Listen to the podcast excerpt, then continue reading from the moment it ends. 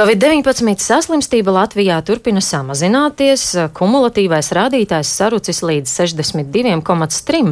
Arī ierobežojumi kļūst vaļīgāki. Bet vienlaikus pasaulē mieru nedod jaunais delta paveids, kas izplatās arvien vairāk un neļauj atslābt, radot bažas par vēl vienu saslimstības vilni. Tikmēr vakcinācijas procesu pret šo vīrusu Latvijā pabeidzis aptuveni pusmiljons cilvēku, jeb 26,5% iedzīvotāju. Kā veicināt aktivitāti? E, aktivitāti vakcinēties arī turpmāk un uz ko jābūt gataviem rudenī. Par to sarunāšos ar veselības ministru Danielu Pavļutu no attīstībai pār. Labrīt! Labrīt! Mūsu saruna šorīt notiek klātienē, jo abi esam vakcinējušies pret covid-19, un Latvijas radio nodrošina arī nepieciešamās epidemioloģiskās prasības. Tā nu garās uh, svētku brīvdienas un svētku nedēļa ir pagājusi, arī jūnijas jau iet uz beigām. Kā šobrīd, vai ir jūtams, ka vakcinācijas aktivitāte sarūk? Jā, patiešām ir jūtams vakcinācijas um, ātrums. Nu, faktiski bija kaut kāds četras nedēļas pēc kārtas, kad ātrums bija vairāk nekā 100 tūkstoši nedēļā. Tad nokritās līdz 95 tūkstoši, tad bija 80 tūkstoši. Un, protams, šajā nedēļā, kas ir aizvadītā nedēļa, svētku nedēļa, nu, to nevar salīdzināt. Ja tas bija svētku režīms, lielākoties arī vakcinētāji ir atpūtušies, un viņi patiešām to ir pelnījuši. Jādomā, ka šonadēļ temps atkal būs lielāks. Bet nu, jāsaka, ka šobrīd mums ir diezgan arī veidojas lieli vakcīnu uzkrājumi noliktavā. Ir atvests gana daudz vakcīnu, gandrīz jau pusmiljons gaida savus savus klientus. Līdz ar to nekāda vakcīnu trūkuma mums nav, jaudu trūkuma mums nav. Vienīgais, kas ir jāizdara, ir, ir jāsaņemās pārvarēt atlikušās šaubas, bažas un, un, un pārvarēt aizspriedumus, un varbūt jāizmet no galvas šādas tādas tīklos salasītas muļķības un, un, un jāvakcinējās, lai mēs rudenī visi varētu tikt pie, pie skolām klātienē un, un lai nevajadzētu atkal mums rudenī uh, kādus pakalpojumus ierobežot un, un ierobežot arī dzīvi. Es domāju, šī vasara visiem mums ir nesusi un, un saslimstības samazinājums tik ļoti ilgi gaidītu atvieglojumu un, un dzīves normalizāciju. Būtu ļoti labi, ja mēs varētu to saglabāt arī rudenī. Nu jau vakcinācija kādu laiku ir pieejama arī lielveikalos un ir bijusi arī gada tirgos, vai ir pietiekama atsaucība? Interesi ir. Patiešām gan, gan lielveikalos, teiksim, pienāca ziņas arī nedēļas nogalē uzreiz pēc svētkiem, kurš turmē, piemēram, tur, teiksim, Alfā, ja šo vakcinācijas punktu un, un, un tam līdzīgi. Jāsaka, arī ārpus Rīgas ir lielveikalos iepirkšanās centros šie punkti. Arī, arī gada tirgos, zaļajos tirdziņos pirms svētkiem bija interesi. Bet, protams, tas bet ir, ka šādos punktos jau tā jauda nav tik liela kā lielajos centros. Nu, lielajos centros tādā maksimālā versijā var vairāk vairākas, vairākus tūkstošus dienā savakcinēt. Piemēram, savulaik Ķīpselā mēs vakcinējām tur tiešām vairākus tūkstošus dienā. Līdz ar ko šobrīd tā sistēma veidojas izkliedētāka, katrā atsevišķā punktā savakcinē mazāk, bet nu, kopumā šis process ir ērtāks cilvēkiem, vairāk pa ceļam viņu ikdienas gaitām, tāpēc mēs esam šai virzienā gājuši. Vai arī vēl būs iespējas vakcinēties dažādās citās vietās? Jā, noteikti. Nu, kopumā tas ir tāds liels, viens nu, būtisks nu, izmaiņa veidā, kā mēs vakcinējam cilvēkus, ir tieši šī iešana tuvāk pie cilvēkiem, uz pasākumiem, uz gada tirgiem, uz, uz mobilo vakcināciju, uz izbraukumiem. Mēs arī senioriem esam spēruši soli tiem, kas ir vecumā virs 80 gadiem, visiem piedāvāt iespēju vakcinēties mājās nevis tā, tā kā agrāk tikai tiem, kam ir, ir, ir kustība traucējumi. Līdz ar to mēs cenšamies padarīt šo vakcinācijas procesu maksimāli ērtu cilvēkiem. Proti, aizvien vēl var pieteikties uz vakcinēšanu, izbraukumu vakcinācijā mājās. Viennozīmīgi, jā, visiem senioriem ir 80 gadu vecuma, mēs to piedāvājam pilnīgi, pilnīgi visiem. To var izdarīt caur ģimenes ārstu. To var izdarīt pamatā caur 8989. Tas būtu tas tiešākais veids, vai, vai piesakoties arī nu, internets, arī variants, protams, kas ir mums tādi digitalizēti seniori vai, vai viņa ģimenes locekļi. Un jā, arī caur ģimenes ārstu. Šis mērķis, eh, sākoties vakcinācijai, bija 100 tūkstoši nedēļā savakcinēt, un eh, mērķis 70% Latvijas iedzīvotāju līdz vasaras beigām, lai iegūtu kaut cik vērā ņemamu pūļu imunitāti, nu jau jūnijas tūlīt beigsies, atlikuši vien divi mēneši. Ir reāli sasniegt šos mērķus? Nu, jāsaka, es, protams, kā vienmēr esmu optimists. Es esmu optimists uh, dzīvē, bet um, nu, šis 70% rādītājs pie šādiem tempiem, kādi viņi tagad mums jūnijā ir, ir nokritušies, uh, nešķiet īsti realistisks. Bet vēlreiz, uh, tas viss ir tikai mūsu rokās. Jautājums, vai mēs pietiekami gribam, lai tāda nu, kā lai saka, brīvības pakāpe un, un atvieglojuma situācija, kāda šobrīd ir, lai viņi rudenī saglabātos. Jo nav nekāda pamata uzskatīt, ka vīruss rudenī neatgriezīsies. Visticamāk, atgriezīsies.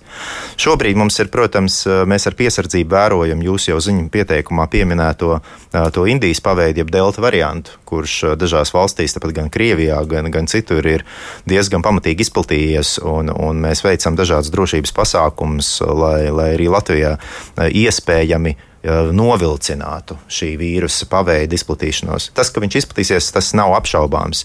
Mums pēdējās ziņas pirms nedēļas otrdienā, pirms svētkiem, bija ap 6% Latvijā no pozitīviem gadījumiem bija šis delta variants.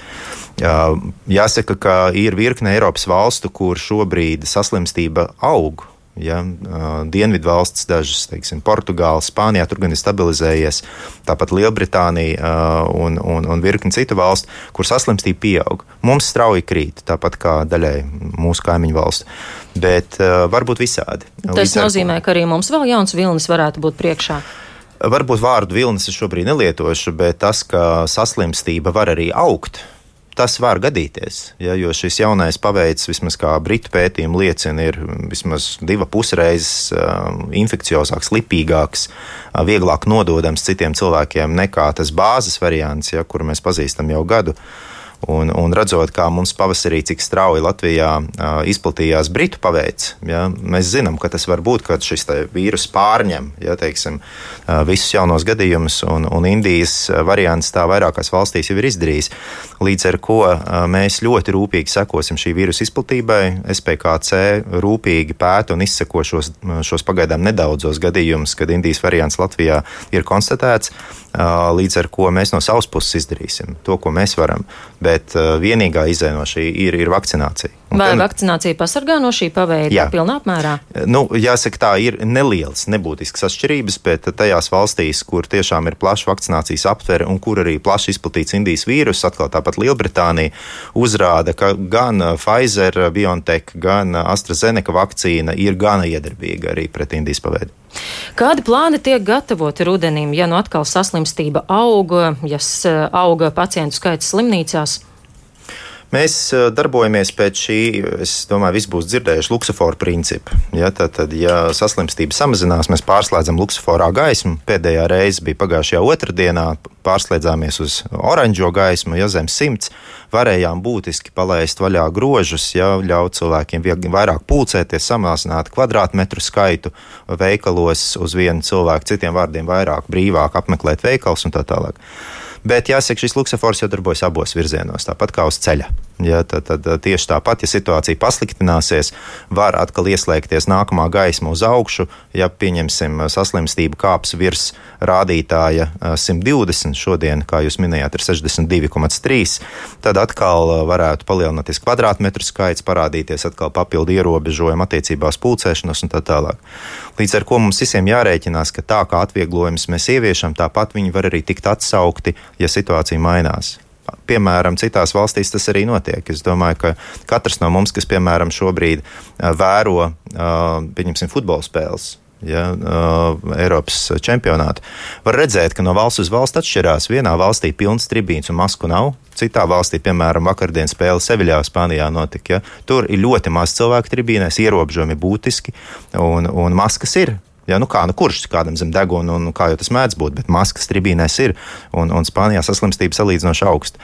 Līdz ar to jārēķinās ar to, ka tiešām šie, šie ierobežojumi var tikt ieviesti. Šonadēļ eh, valdībā varētu atkal pārskatīt kādus ierobežojumus, ņemot vērā esošo situāciju. Šobrīd šķiet nav pamata spērt jaunu soli. Um, nu, pirms nedēļas tika ieviests tāds uh, diezgan uh, plašs atvieglojumu pat, pakete, līdz ar ko uz, uz rītdien jauns lēmums mēs negatavojam. Bet situācija attīstoties tālāk, viens tāds nākamais, eh, kā lai saka, gaismas pārslēgšanās moments būtu pie 20 gadījumiem eh, uz 14 dienām kumulatīvi. Tad šobrīd 62,3. Saslimstība ļoti strauji krīt, tā kā redzēsim, kā mums tālāk ies. Mēs esam gatavi ieviest atvieglojumus arī turpmāk. Kādi ar lielāko prieku. Nu, tas eh, patiesībā mums ļautu um, atļaut teiksim, vēl lielākus pasākumu apmeklētāju skaitus, varbūt uh, vēl kādas uh, teiksim, papildu atvieglojumus iekštelpu pasākumu īstenošanai un tā tālāk. Ja? To, tad mēs, to tad mēs visu skaidri nokomunicēsim. Vienīgais, ko var pateikt skaidri, ka patiešām nekādu ierobežojumu nebūs vakcinētiem un pārslimojušiem cilvēkiem. Kā līdz šim priekšrocības vakcinētiem cilvēkiem un pārslimojušiem saglabāsies dažādu veidu pasākumiem. Tur vispār nav ierobežojumi cilvēku skaita ziņā. Tagad iekštelpās var tiešām arī, arī brīvdabas pasākumos var, var būtībā dzīvot dzīvot tā, kā, tā kā agrāk tas bija. Nu, protams, šajās ierobežotajās zonās, kur ir, kur ir bijis iespējams pārliecināties, ka patiešām šie certifikāti cilvēkiem ir. Un Vai... rudenī, ja situācija pasliktināsies, jāsaka, ka uh, ierobežojums ieviešot vakcinēti un pārslimošie cilvēki būs pēdējie, kas sajutīs kaut kādu atšķirību pret, pret to, kā ir tagad. Vai varētu pārskatīt masku lietošanu telpās un atcelt tās līdzīgi kā piemēram Igaunijā?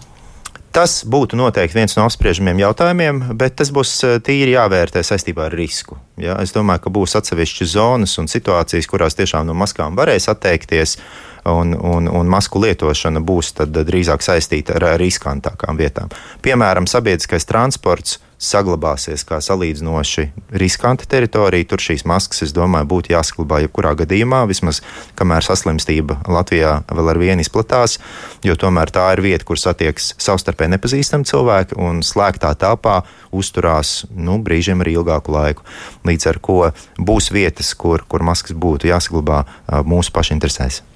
Tie cilvēki, kas vēl nav vai arī negrasās vakcinēties pret covid-19, uh, klāji protestē vai ir nosodoši pret šīm te priekšrocībām vakcinētajiem un uh, tiek piesaukt arī sabiedrības šķirošana. Kāds ir jūsu viedoklis par to, vai nebūs tomēr kāda arī piekāpšanās šiem cilvēkiem par labu?